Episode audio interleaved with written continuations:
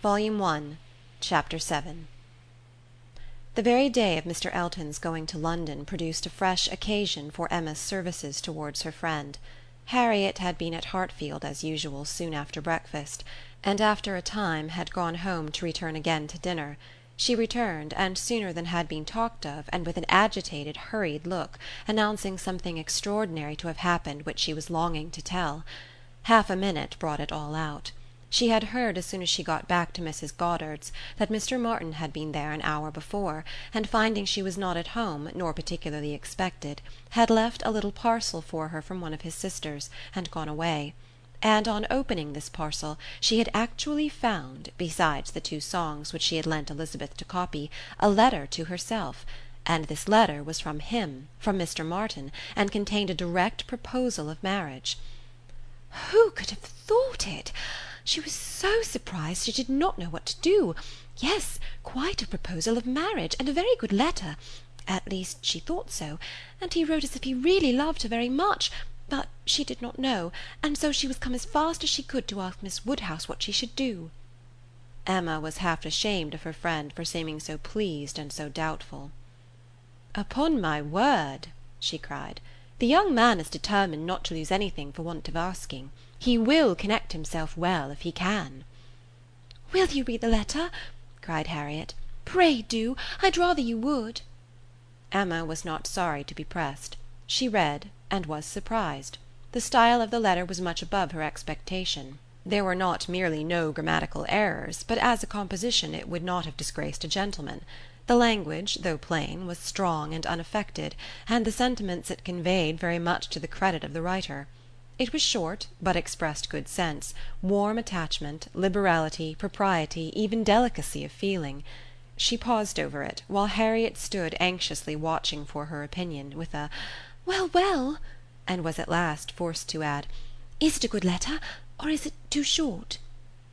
"Yes, indeed, a very good letter," replied Emma rather slowly. "So good a letter, Harriet, that, everything considered. I think one of his sisters must have helped him. I can hardly imagine the young man whom I saw talking with you the other day could express himself so well if left quite to his own powers. And yet it is not the style of a woman. No, certainly it is too strong and concise, not diffuse enough for a woman. No doubt he is a sensible man, and I suppose may have a natural talent for thinks strongly and clearly, and when he takes pen in hand his thoughts naturally find proper words. It is so with some men. Yes, I understand the sort of mind; vigorous, decided, with sentiments to a certain point, not coarse. A better written letter, Harriet," returning it, "than I had expected." "Well," said the still waiting Harriet, "well, and and what shall I do?" "What shall you do? In what respect? Do you mean with regard to this letter?" "Yes."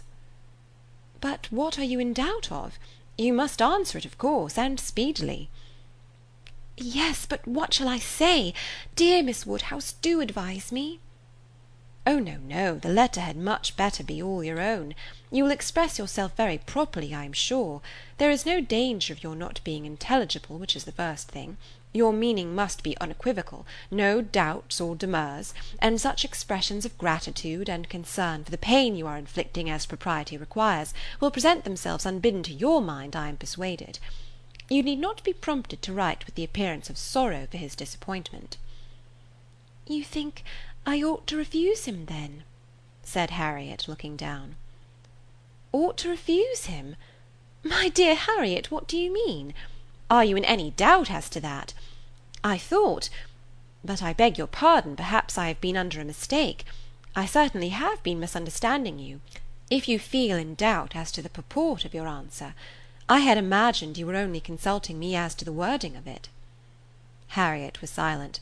With a little reserve of manner Emma continued: "You mean to return a favourable answer, I collect?" "No, I do not. That is, I do not mean ah, what shall I do? What would you advise me to do? Pray, dear Miss Woodhouse, tell me what I ought to do." "I shall not give you any advice, Harriet. I will have nothing to do with it. This is a point which you must settle with your own feelings." I had no notion that he liked me so very much," said Harriet, contemplating the letter. For a little while Emma persevered in her silence; but beginning to apprehend the bewitching flattery of that letter might be too powerful, she thought it best to say, "I lay it down as a general rule, Harriet, that if a woman doubts as to whether she should accept a man or not, she certainly ought to refuse him. If she can hesitate as to yes, she ought to say no directly. It is not a state to be safely entered into with doubtful feelings, with half a heart. I thought it my duty as a friend, and older than yourself, to say thus much to you; but do not imagine that I want to influence you." "Oh, no, I am sure you are a great deal too kind to but if you would just advise me what I had best do no, no, I do not mean that. As you say, one's mind ought to be quite made up one should not be hesitating. It is a very serious thing. It will be safer to say no, perhaps. Do you think I had better say no?" "Not for the world," said Emma, smiling graciously, "would I advise you either way.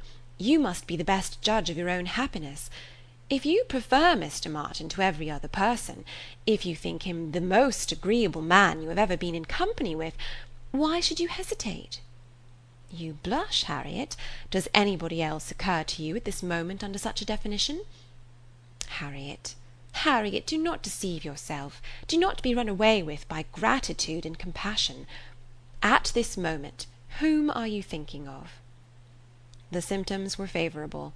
Instead of answering, Harriet turned away confused, and stood thoughtfully by the fire; and though the letter was still in her hand, it was now mechanically twisted about without regard. Emma waited the result with impatience, but not without strong hopes. At last, with some hesitation, Harriet said, "Miss Woodhouse, as you will not give me your opinion, I must do as well as I can by myself; and I have now quite determined, and really almost made up my mind, to refuse Mr. Martin. Do you think I am right?" "Perfectly, perfectly right, my dearest Harriet. You are doing just what you ought. While you were at all in suspense, I kept my feelings to myself; but now that you are so completely decided, I have no hesitation in approving. Dear Harriet, I give myself joy of this. It would have grieved me to lose your acquaintance, which must have been the consequence of your marrying Mr. Martin. While you were in the smallest degree wavering, I said nothing about it, because I would not influence; but it would have been the loss of a friend to me. I could not have visited Mrs. Robert Martin of Abbey Mill Farm. Now I am secure of you for ever. Harriet had not surmised her own danger, but the idea of it struck her forcibly. "You could not have visited me!" she cried, looking aghast. "No, to be sure you could not; but I never thought of that before. That would have been too dreadful. What an escape! Dear Miss Woodhouse, I would not give up the pleasure and honour of being intimate with you for anything in the world." "Indeed, Harriet, it would have been a severe pang to lose you; but it must have been. You would have thrown yourself out of all good society. I must have given you up." "Dear me! How should I ever have borne it? It would have killed me never to come to Hartfield any more." "Dear affectionate creature! You banished to Abbey Mill Farm! You confined to the society of the illiterate and vulgar all your life! I wonder how the young man could have had the assurance to ask it. He must have a pretty good opinion of himself." "I do not think he is conceited either, in general," said Harriet, her conscience opposing such censure; "at least, he is very good natured, and I shall always feel much obliged to him, and have a great regard for but that is quite a different thing from and you know, though he may like me, it does not follow that I should and certainly I must confess that since my visiting here I have seen people and if one comes to compare them, person and manners, there is no comparison at all, one is so very handsome and agreeable. However, I do really think Mr. Martin a very amiable young man, and have a great opinion of him, and his being so much attached to me, and his writing such a letter but as to leaving you, it is what I would not do upon any consideration." "Thank you, thank you, my own sweet little friend. We will not be parted. A woman is not to marry a man merely because she is asked, or because he is attached to her, and can write a tolerable letter. "Oh no, and it is but a short letter too." Emma felt the bad taste of her friend, but let it pass with a "Very true, and it would be a small consolation to her, for the clownish manner which might be offending her every hour of the day, to know that her husband could write a good letter." "Oh yes, very. Nobody cares for a letter. The thing is to be always happy with pleasant companions. I am quite determined to refuse him. But how shall I do? What shall I say?" Emma assured her there would be no difficulty in the answer, and advised its being written directly, which was agreed to, in the hope of her assistance and though Emma continued to protest against any assistance being wanted, it was in fact given in the formation of every sentence.